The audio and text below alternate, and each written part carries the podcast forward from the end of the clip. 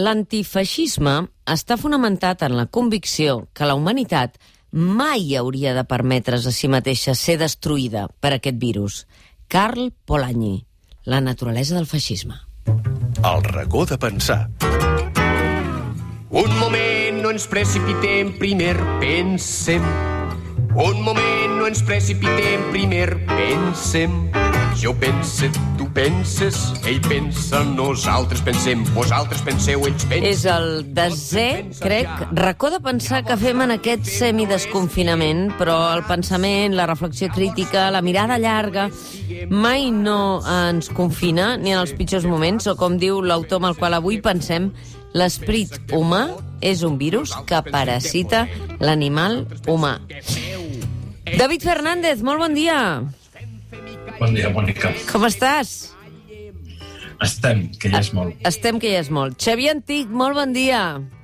Hola, Mònica, bon dia. Què tal, com esteu? Bé, i tu? Molt bé, avui fem proves per una via diferent, a veure si ens en sortim. Ja ho veig, ja ho veig, que et sento lluny. Et sento com lluny. Avui sento més a prop el David. Bé, ane- eh, us aneu tornant. Escolta'm, està bé, està bé. estimat, tinc aquí un assaig eh, meravellós que, que avui comentareu perquè ens ajudarà a pensar què és pandèmia, la Covid-19 trasbalsa el món del filòsof eslové Slavoj Zizek. Ho estic dient bé, oi que sí, Xavier? I tant, i tant, molt bé. Però aquest és un, un dels moltíssims assaigs i, i peces de pensament eh, que Gigex ens ha ajudat, ens ha, ens ha posat damunt la taula per ajudar a entendre el món. No? Presenta'ns una mica per les persones que ens estiguin sentint que no estiguin familiaritzades, que potser n'hi ha alguna, que, que, que se situïn. Eh, eh, ens quedem amb el cognom, Sisek, que Mhm. ja el, el nom d'eslavo és prou complicat. Sisek és un filòsof, és eslové, i és segurament un dels filòsofs més populars del panorama global, diguem-ne. Mhm. Perquè és, és, un, és, un, és un filòsof, i per tant reivindica la filosofia per entendre la complexitat del món en el que estem. I per tant no fa, diguem-ne, cap mena de, d'una banda, concessions a la banalització del pensament, perquè és un pensador eh, que s'encara amb la duresa de pensar les coses a fons i, per tant, ajustar els conceptes, ajustar els, eh, els arguments, anar una mica a la contra dels tòpics, que són com a veritats sabudes, però també, d'una altra banda, és un filòsof radicalment antiacadèmic. És a dir, que s'ha desempallegat de sobre de tota la carcassa amb la qual habitualment els filòsofs ens hem desbarallat de tal manera que sembla que només parlem entre nosaltres. Exacte. I jo crec que té el gran mèrit i per això és tan immensament popular. És un tio que publica tres o quatre llibres l'any, fa centenars d'articles, té centenars de vídeos a YouTube parlant de les coses més peregrines, utilitza el cinema, utilitza la música, el Mm. còmic, la cultura popular, una mica per provar d'entendre eh, les coses en les que ens trobem.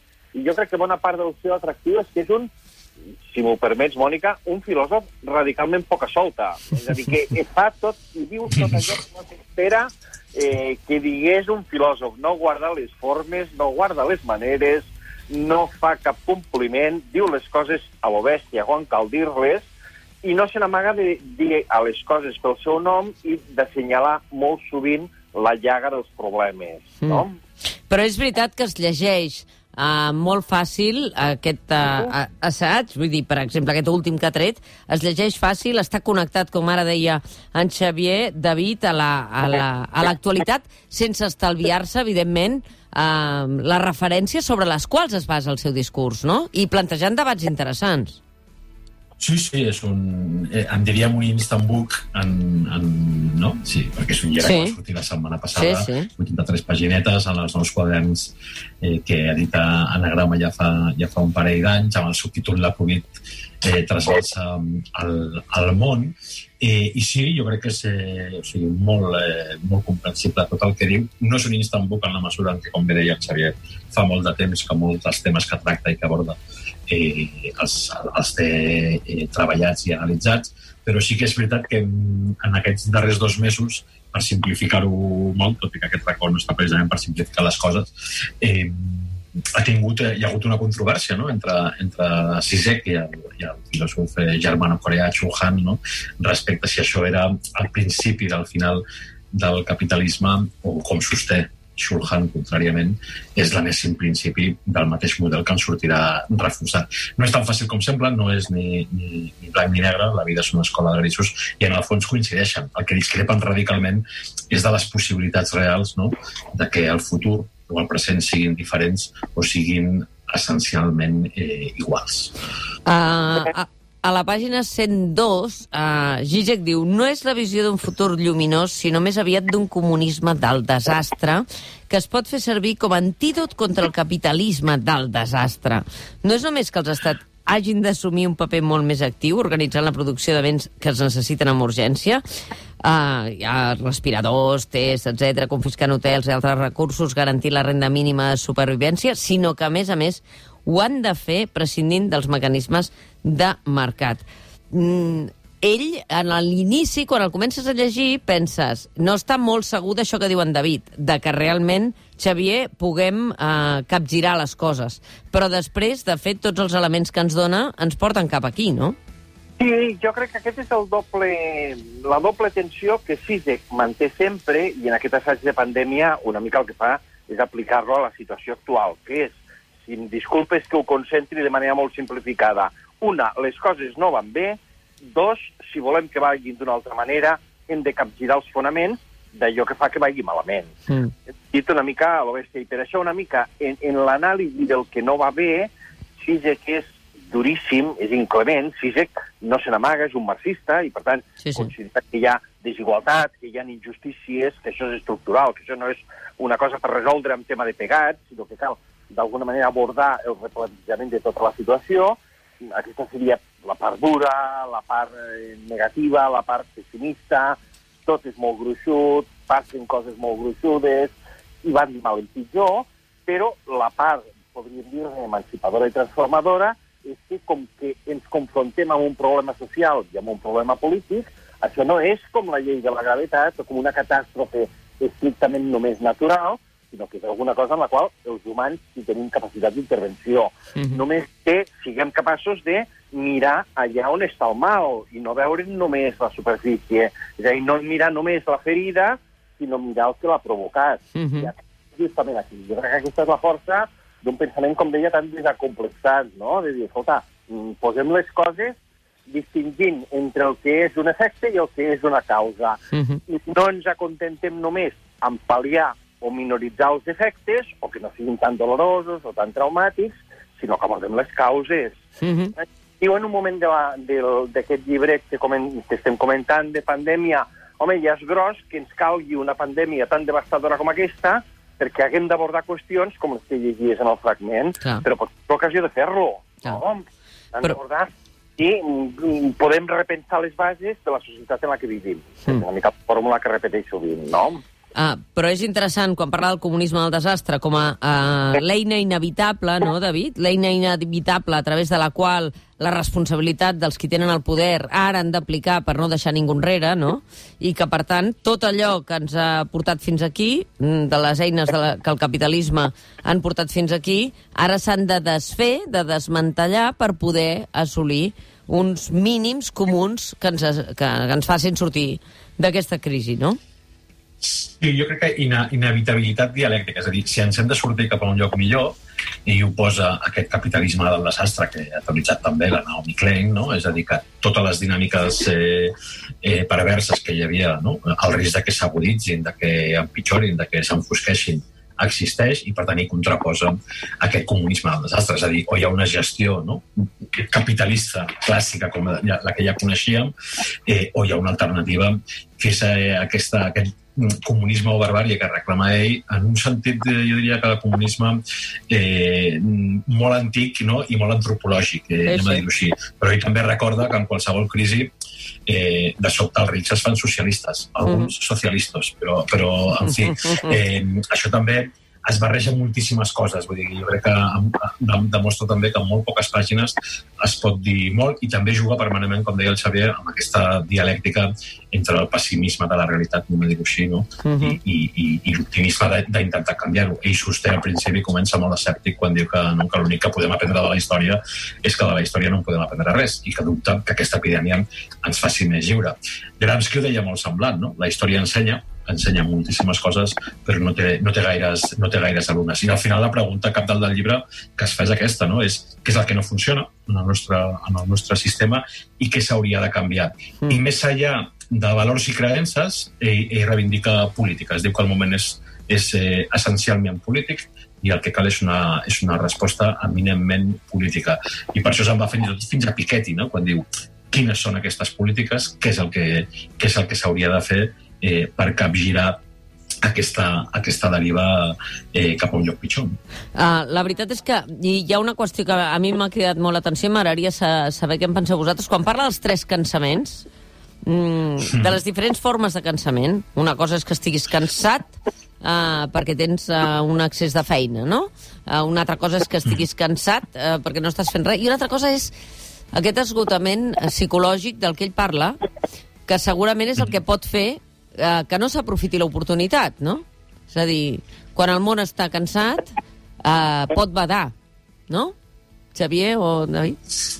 Sí, jo crec que hi parteix de, de tres cansaments. Eh, eh, això és una resposta clarament al, al, al Chulhan amb el que dialoga, debat i discuteix en el, en el llibre. Eh, Chulhan va fer la societat del cansament, que parlava de com el capitalisme que el capitalisme havia anat tan lluny que al final nosaltres mateixos érem els nostres propis autoexplotadors no? uh -huh. eh, i que estàvem sota una exigència permanent no? i que això provocava molt cansament. Ell obre el Zoom eh, com a bon marxista i diu sí, però no només això, no? aquesta societat de la creativitat, anem a dir-ho així, no? eh, de, i, i ho desplaçava també al treball de cures i ho desplaçava també a un altre tipus de cansament, que és el de les fàbriques de Shenzhen a la, a la Xina, que és un, un cansament repetitiu, monòton i, i, i esgotador. No? I, per tant, aquest confinament, fins i tot que podríem dir ara, entre els que estan esgotats no? eh, eh, per sobrecàrregues, com podria ser no? eh, totes les persones que treballen a l'àmbit sanitari aquests dies, o els que estan cansats de no fer res tancats a casa perquè porten dos mesos amb un ERTO. No? Uh -huh. I a partir d'aquí sí, que, sí que treballa precisament o, o elabora eh, la pregunta que feies i, com se sol dir, passo paraula a Xavier Tic. No, no, jo crec que David ho has plantejat de manera molt, molt clara. Eh? En un extrem hi ha els que ell diu, i a més ho coneixem, estan colgats de feina al límit de l'esgotament, bàsicament no només personal sanitari, sinó tot, tots aquells que estan en la primera línia de la gestió de la vida, mentre que el gran gruix de la població hem estat confinats. I això eh, té a veure una mica amb serveis, amb comunicació, amb mitjans, amb transport, amb tantes altres coses. I en l'altre extrem diu els que no tenen res a fer perquè estan confinats i estan obligats d'alguna manera a mantenir el pols de les seves activitats en unes condicions molt diferents. El més interessant una mica d'aquests dos extrems és el gran gruix del que hi ha entremig, que és aquest cansament provocat pel propi sistema, no? pel qual tots som autoexplotats, hem d'inventar-nos contínuament projectes, hem de buscar obsessivament l'assoliment, l'optimització, la capacitat productiva, etc. Fa una mica el que planteja Sisek, que jo crec que és el més, el més important, és escolta, que no ens faci por el cansament. La qüestió és, diu, el cansament que valgui la pena. És a dir, un cansament pel qual els treballadors de sanitat ens serien una mica el model, que és mhm. -huh. aquest, eh, aquest cansament que està al servei de la millora, no només dels altres, sinó de la millora, la transformació, el, el recuperar les formes de vida allà on encara no és possible de fer-ho per qüestions de seguretat, etc etc. Uh -huh. no?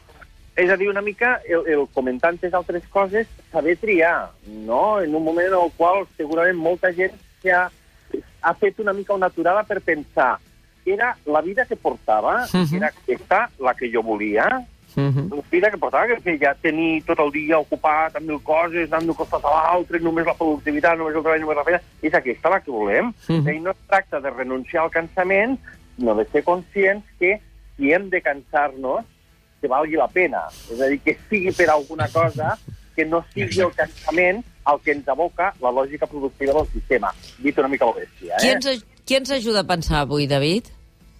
Doncs mira, ens ajuda, com hi ha dues paraules eh, d'en Sisek, ell parla de les cinc fases, no? Eh, citant l'Elisabet Kubler-Ross, de, de quan hi ha un trauma, una pèrdua important o un canvi sobtat en les nostres vides, diu la negació, la ira, la negociació, la depressió, l'acceptació, i es demana com serà l'acceptació d'aquesta post-Covid-19 i ell diu dues paraules claus, contingència i insignificança. I per parlar d'això hem recuperat un text que té més de 25 anys i ara descobrireu l'autor. Això és la nostra casa. Això som nosaltres. Totes les persones que has estimat, conegut, de les que alguna vegada vas sentir parlar, tots els éssers humans que han existit, han viscut aquí.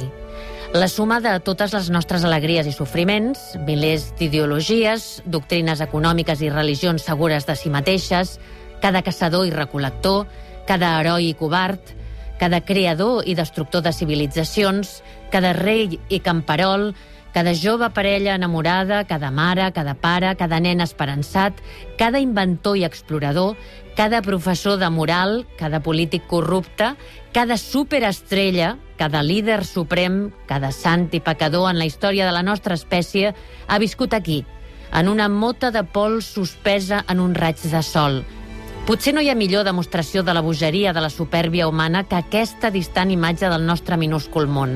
Per mi, subratlla la nostra responsabilitat de tractar-nos els uns als altres més amable i compassivament i de preservar i voler aquest punt blau pàl·lid, l'única llar que hem conegut. Carl Sagan, Un punt blau pàl·lid, 1994.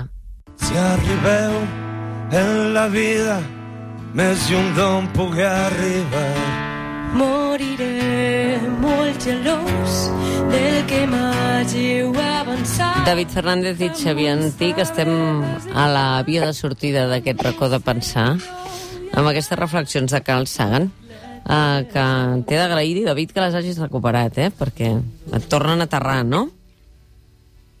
Totalment, i si, i si mireu la foto a les xarxes socials i busqueu aquella foto que va produir aquest text, que efectivament és un punt eh, diminut, blau pàl·lid, eh, fa, fa, molt, fa molt... Si sembla mentida que estiguin escrites fa 25 anys i avui són eh, eh, absolutament actuals i vigents. Uh, alguna recomanació, a part de a tot això que hem parlat, uh, Xavier Antic, per la gent que entri a sí, perquè ell tampoc no dona respostes, eh? No, et diu que la resposta és política, evidentment, però, però no dona respostes, no, no va de sentenciador. No, eh, ell té una mena d'aversió eh, quasi bé al·lèrgica a tot el que és la filosofia de Sotana, no? Uh -huh. Jo dir-te exactament el que has de fer i quina és la solució per a tots els problemes. Però ja sabem que una primera forma d'abordar els problemes és reconèixer que hi ha problemes i en les cinc fases que ara recordava el David, assumir una mica el, el que seria el punt prioritari, no? Mm. Que és l'acceptació, l'acceptació de que existeix aquesta situació en la vida, aquesta amenaça, com una mena d'ombra fosca, que ens recorda la contingència de les nostres vides, una mica el perill d'entrar en situacions de vulnerabilitat de manera contínua i de manera, com ha passat ara, inesperada, i que davant d'això una mica mm, no només ens hem de deixar arrossegar per tot allò que passa, sinó ser capaços una mica d'esmenar les bases del que ho han produït, no? Llavors jo crec que és la gran, el gran impuls, és com una mena d'esperó de CISE, que és forçar-nos a, a esmenar el que podríem pensar que és inevitable, no? David, ens n'anem amb aquest, si arribeu, eh? Quina versió més preciosa, eh? Una, sí, una versió que es va produir en aquesta casa quan eh, ara fa 3 anys eh, commemoràvem el, el 50 aniversari eh, de Lluís Llach eh, el fràgil art d'un gest senzill als escenaris. I en equip, que és el que diu eh, Sisek, que ens hem de sortir tots junts eh, i alhora, Feliu Ventura, Mireia Vives, Borja Benalba, Gemma Homet, eh, si arribeu, tant de bo hi arribem juntes i a temps.